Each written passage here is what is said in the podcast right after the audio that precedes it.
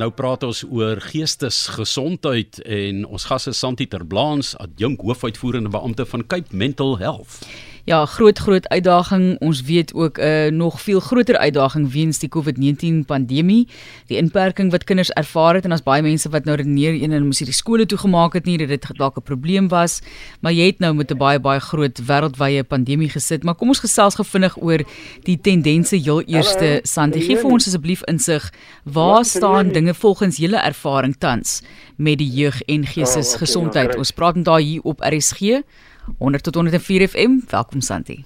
Baie dankie Martelies. Ja, weet jy, ons wil so graag hê ons kinders moet gelukkig wees en groot drome vir hulle toekoms, vol hoop vir hulle self en hulle plek in die wêreld hê. Maar weet jy, hulle word deur soveel dinge beïnvloed.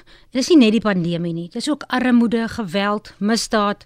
Daar's boelies, daar's beerdkrag, daar's onsekerheid en alles van dit werk op hulle gemoed in en um, wek 'n klomp angstigheid wat ook die grootste geestesgesondheidsuitdaging vir hulle is. Dan het ons nog die internetboelies en ons het toegang tot inligting en visuele materiale wat definitief nie geskik is vir jong mense nie. So ons sien dat um, hulle verlies aan selfvertroue het, hulle het meer vrese, hulle het meer angstigheid en dit lei ook tot meer geestesversteuring mm. onder ons kinders en jong mense.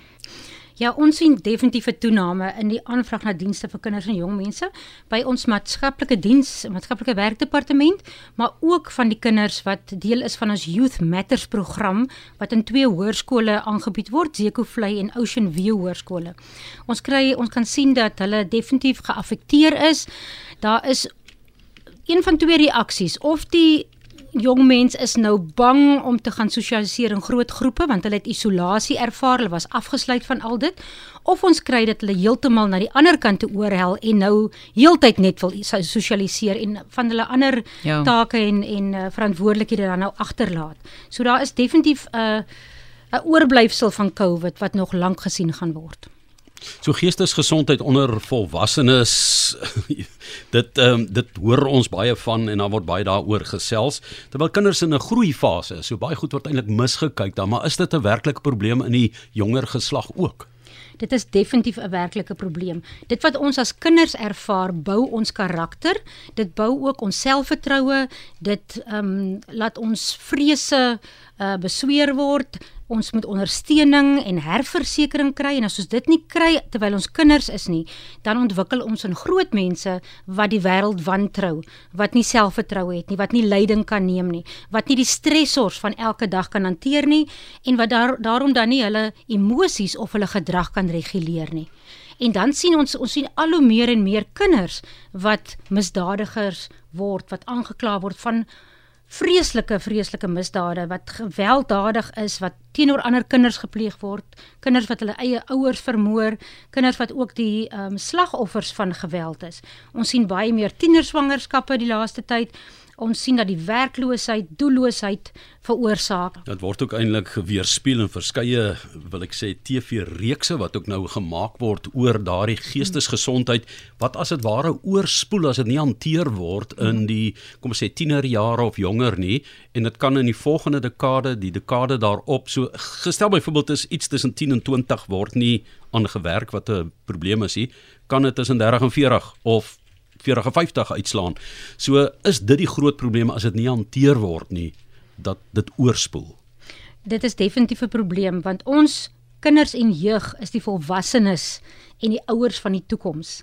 En hulle is ook die leiers van die toekoms. Hulle is die onderwysers, die predikante, die rolmodelle, die sakemanne, die sakevroue, die entrepreneurs en werkskeppers. En as hulle nie in hulle self glo nie, en nie hulle eie emosies en gedrag kan reguleer nie, dan gaan hulle ook nie goeie leiers wees nie en ook nie goeie rolmodelle nie.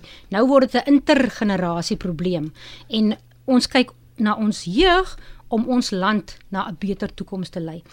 En uh, as ons nie die nodige ondersteuning en dienste daarstel nie en belê in die geestesgesondheid van die jeug nie, het ons hierdie generasie geval. Ons kan dan baie geld in hulle inpomp, maar dit het nie gehelp nie want hulle het nodig om goeie geestesgesondheid te hê om die volgende generasie volwassenes te wees. Ja, ons leef in 'n mosaïek samelewing, 'n uh, mosaïek geslag ook of generasie en hulle aanvaar nie leierskap soos in die verlede nie. Daar is leiers, maar dit dit is word anders gedefinieer. Uh, maar wanneer 'n mens gaan kyk na die probleme wat daar is en jy identifiseer dit, dan is toeganklikheid om dit te hanteer dikwels 'n probleem. Waarheen hardloop jy?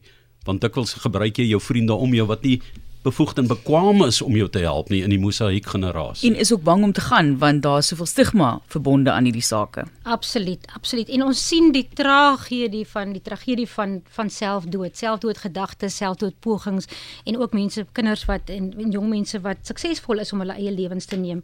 En dit het dit het nie net 'n invloed op daai nabye familie nie, dit het 'n invloed op almal rondom hulle. So ons moet dit daarstel, ons moet dit toeganklik maak en ongelukkig is dit nie toeganklik nie. So ons moet 'n netwerk daarstel van mense wat 'n sagte landing vir hierdie jeug kan wees. En dit is so belangrik dat elke persoon verantwoordelikheid vat vir sy eie geestesgesondheid, maar ook vir geestesgesondheid van mense vir wie hy of sy 'n rolmodel is. Dit is natuurlik een van die groot geleenthede om daarop te fokus in die wêreld en in Suid-Afrika. Dit is Geestesgesondheidsbewusmakingsmaand in Oktober en die 28ste het julle die baie bekende Cape Town Kite Festival wat plaasvind. Hoekom het die twee bymekaar uitgekom? Hierdie fees en geestesgesondheid. Weet jy vir ons is 'n vleer 'n simbool van hoop. Jy kan nie aan 'n lyn van 'n vleer vashou en dan afkyk grond toe nie. Jy word outomaties getrek na daai kleurvolle gesig wat daarbo teen die wind en die weer sukkel om bo te bly. Maar jy sien ook hoe daai vleer suksesvol is teen wat ook al na sy kant toe gegooi word.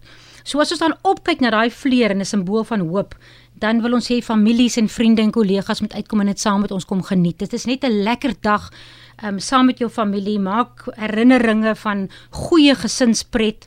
So hierdie Sondag die die 9de by Melkbos strand. Ons het dit al by Zandvlei gehad, ons het dit al by Dolf, Dolphin Beach gehad. Hierdie keer gaan ons Melkbos strand toe. Sondag die 9de. Kom asseblief, kom neem deel, kom kyk wat daar aangaan en kom geniet die dag saam met ons.